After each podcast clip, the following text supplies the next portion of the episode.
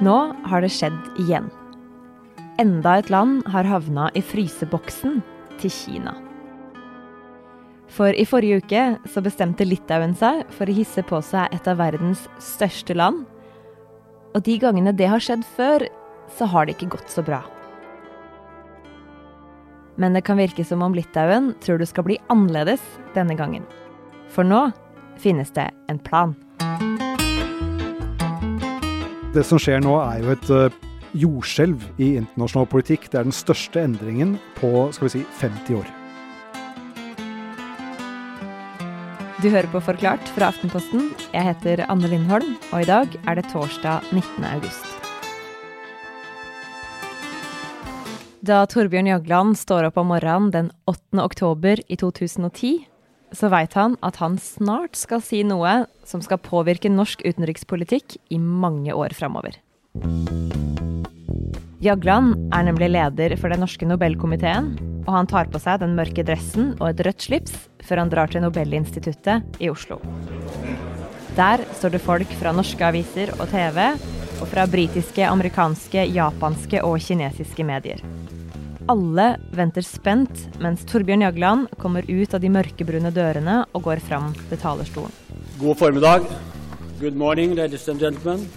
Og så annonserer han at den kinesiske demokratiforkjemperen Liu Xiaobo skal få Nobels fredspris for 2010.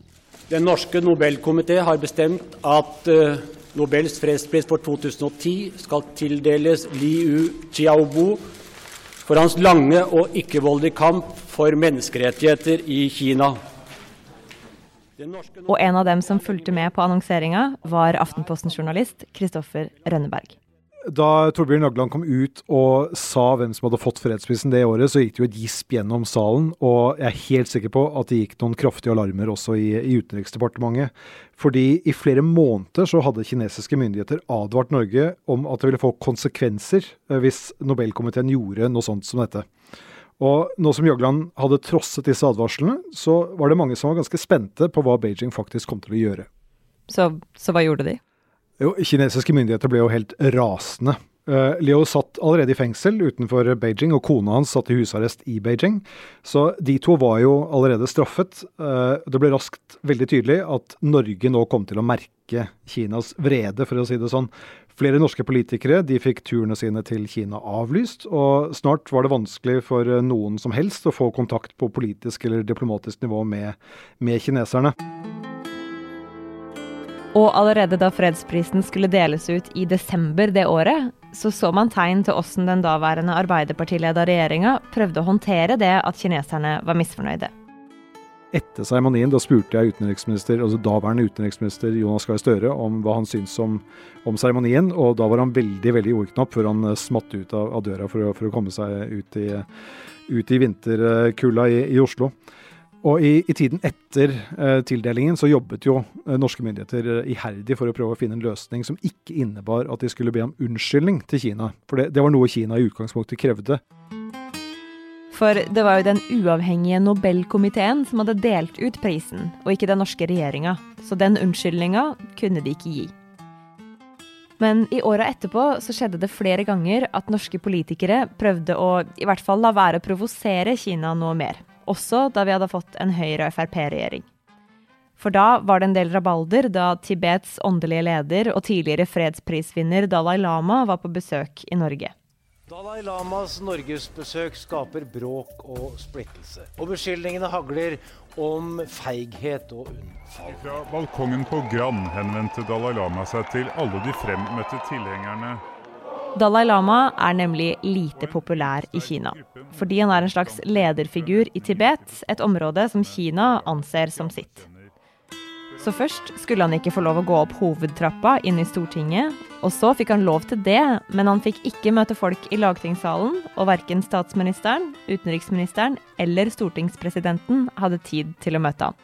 Og Det illustrerer jo situasjonen veldig godt. Eh, men dette var i 2014. Det var eh, i tiden da Norge fortsatt var i fryseboksen, og regjeringen gjorde alt de kunne for å unngå å, å tirre Kina. Eh, Børge Brende, som var utenriksminister den gangen, han begrunnet dette med at Norge jo måtte tenke på de langsiktige utenrikspolitiske interessene.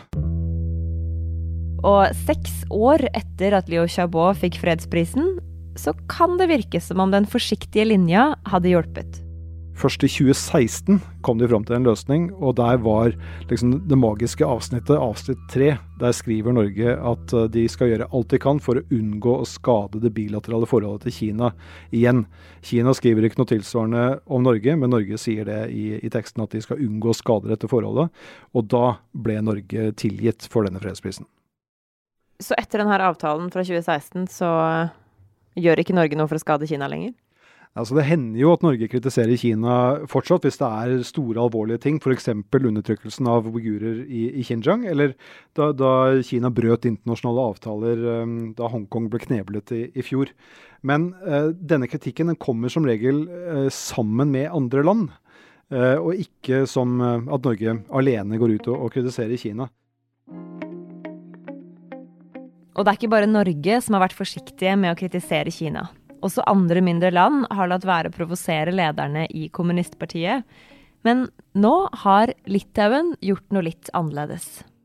Jo, Litauen uh, har vist ganske tydelige tegn det siste halvåret skal vi si, på at de ikke ser seg tjent med å være dominert i for stor grad av Kina. De har trukket seg fra et uh, samarbeid om, uh, om, det store kinesiske prosjektet som heter Belte og vei, som skal bygge en handelsrute mellom Kina og, og Vesten. Og så har de, de har sendt vaksiner til Taiwan, noe som har provosert Kina veldig. Og nå, det som var dråpen som fikk det kinesiske begeret til å renne over, det var at Litauen har gått med på å åpne et handelskontor for Taiwan i hovedstaden Vilnius. The Taiwanese representative office in Lithuania og Taiwan er ganske viktig her. For som du kanskje veit, så mener Kina at øya Taiwan er deres, mens Taiwan i praksis egentlig har hatt sjølstyre siden 1949. For det første så ønsker jo ikke Beijing at andre land skal anerkjenne Taiwan som en separat enhet. Men det aller verste for Beijing, det er nok navnet de bruker på dette kontoret. Eh, rundt i Europa så, så finnes det flere sånne handelskontorer, men de har alle sammen navnet Taipei-representant, altså etter hovedstaden på Taiwan. Mens dette kontoret i Litauen, det har fått navnet Taiwan-representant. Og det er akkurat dette som har gjort at eh, kinesiske myndigheter har blitt så rasende som de har blitt. Så nå kan det hende at Kina gjør klar fryseboksen igjen. Men det er ikke sikkert at det går med dem sånn som det har gjort med Norge.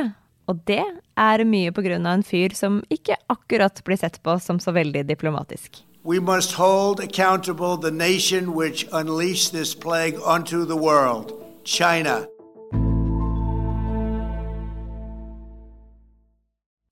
Så Kristoffer, ved at Litauen har åpna det her handelskontoret og kalt det for Taiwan-representant, så har de provosert ledelsen i Kina. Hvilke konsekvenser får det?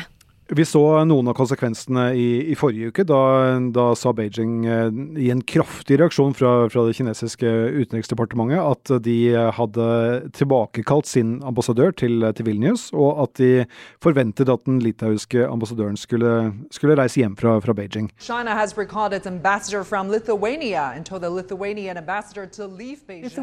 Ambassador to China. Og det i seg selv er jo en veldig tydelig markering og ganske dramatisk i, i internasjonalt eh, diplomati diplomati. Og Så får vi se eh, fremover hva som, hva som, kommer til å skje. Vi har jo sett hvordan Kina har reagert overfor land som f.eks. Norge, med det å bli plassert i en fryseboks, eh, at man mister kontakten eh, på politisk og diplomatisk nivå. Og det er nok lederne i Litauen forberedt på. De er veldig tydelige på at dette er noe de ønsker.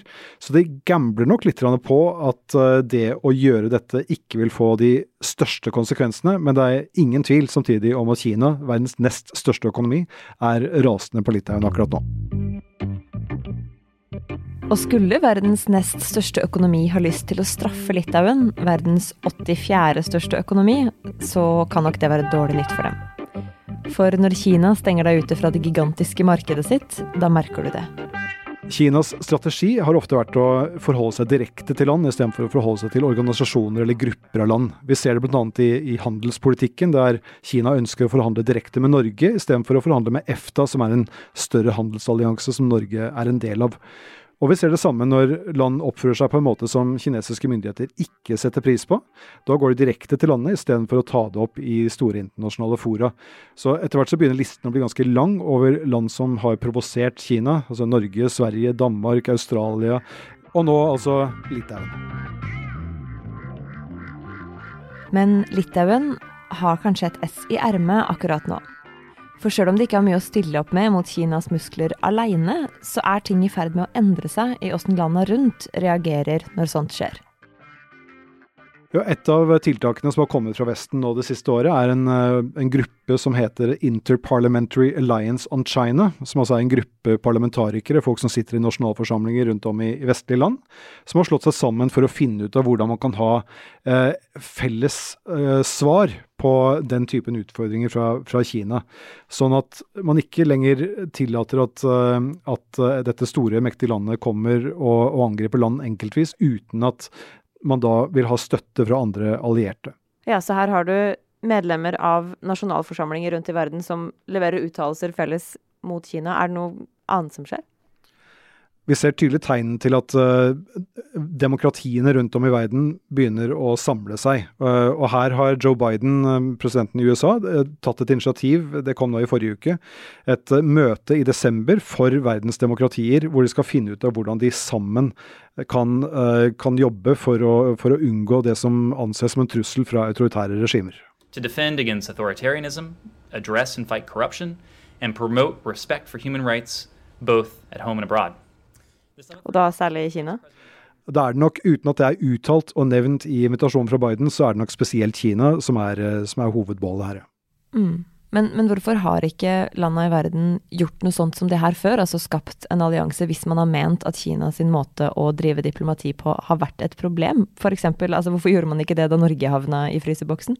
Hvis vi, hvis vi ser det i et lengre perspektiv, da. Etter at muren falt i, i 1989 og, og Sovjetunionen uh, brøt sammen, så tenkte man at demokratiene hadde vunnet. Nå kommer hele verden til å bli demokratisk. Og så uh, gikk det jo ikke sånn. Uh, man har hatt en fremvekst av autoritære regimer, og da spesielt Kina. Og med Kina så har man tenkt at hvis man bare tillot at Kina fikk slippe til på, på de globale markedene, at landet fikk vokse økonomisk, fikk en rikere befolkning, så kom det også til å utvikle seg politisk og i mer demokratisk retning. Det har vært kongstanken i, helt siden begynnelsen av 70-tallet, at uh, det er det som kommer til å skje med Kina. Og så skjedde ikke det. Kina ble rikt, men det ble ikke demokratisk. Og den erkjennelsen den har kommet gradvis, men det er først nå de siste årene at det paradigmeskiftet virkelig har, uh, har, skjedd, og at ledere i demokratiske land over hele verden har skjønt at nå trenger man en ny tilnærming til Kina, hvor man må konfrontere det som et autoritært regime, og ikke med dette håpet om at det kommer til å bli demokratisk. Og på mange måter så er det faktisk den tidligere amerikanske presidenten Donald Trump som får æren for det. Well, we're certainly not happy with what happened with respect to China. Uh, det er jo ikke sånn at dette er uh, helt overraskende for USA at, uh, at ting endrer seg, men uh, det var lite som ble gjort under Barack Obama for å endre på forholdet til Kina. Og inn kommer Donald Trump til Det hvite hus og bare velter om på alt. Hans eh, hovedtanke var å gjøre noe med handelsforholdet mellom USA og, og Kina. Han ville ha mer penger eh, til USA og mindre penger ut av USA. Så han eh, rev ned avtaler som eksisterte med Kina, han innførte straffetoll og fornærmet kinesiske ledere på, på det groveste så ofte han kunne. Og dermed så fikk han jo virkelig snudd opp ned på alt sammen. Og, og, det interessante der det var at det, det, skjedde uten protester fra opposisjonen i USA. Demokratene de satt helt stille og syntes egentlig at det var ganske greit at noen øh, røsket litt opp i systemet. Og Det fikk vi se også da Joe Biden overtok, at han endret ikke noe særlig på de tiltakene som Trump hadde innført og, og tingene han hadde gjort. Men han satte inn et annet nivå, skal vi si. Han, han gjorde mer diplomatisk eh, sørget for å få med seg flere allierte. Og så innførte han et ideologisk eh, aspekt ved det. At det ikke bare handlet om handel lenger, men at det handlet om dette med hva slags politisk system er det vi ønsker. Eh, og, og sørge for at demokratiene skulle da, som vi snakket om tidligere, samle seg i møte mot denne fremveksten av et sterkt autoritært regime som Kina.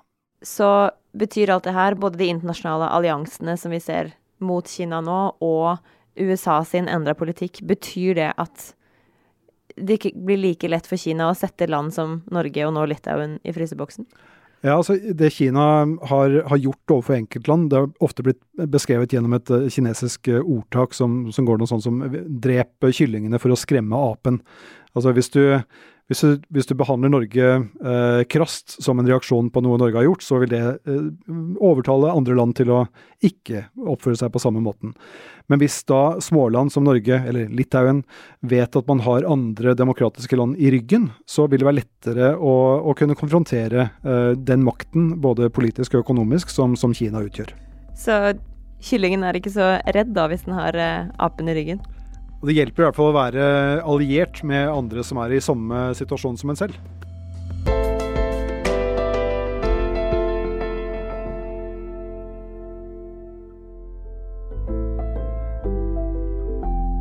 Denne episoden er lagd av David Vekoni og meg, Anne Lindholm, med hjelp fra Peter Daatland. Resten av Forklart er Marit Eriksdatter Gjelland, Fride Næss Nonstad, Guri Leil Skedsmo og Andreas Bakke Foss. Du hørte lyd fra NRK, fra kinesiske CGTN, fra Formosa og fra nyhetsbyrået AP.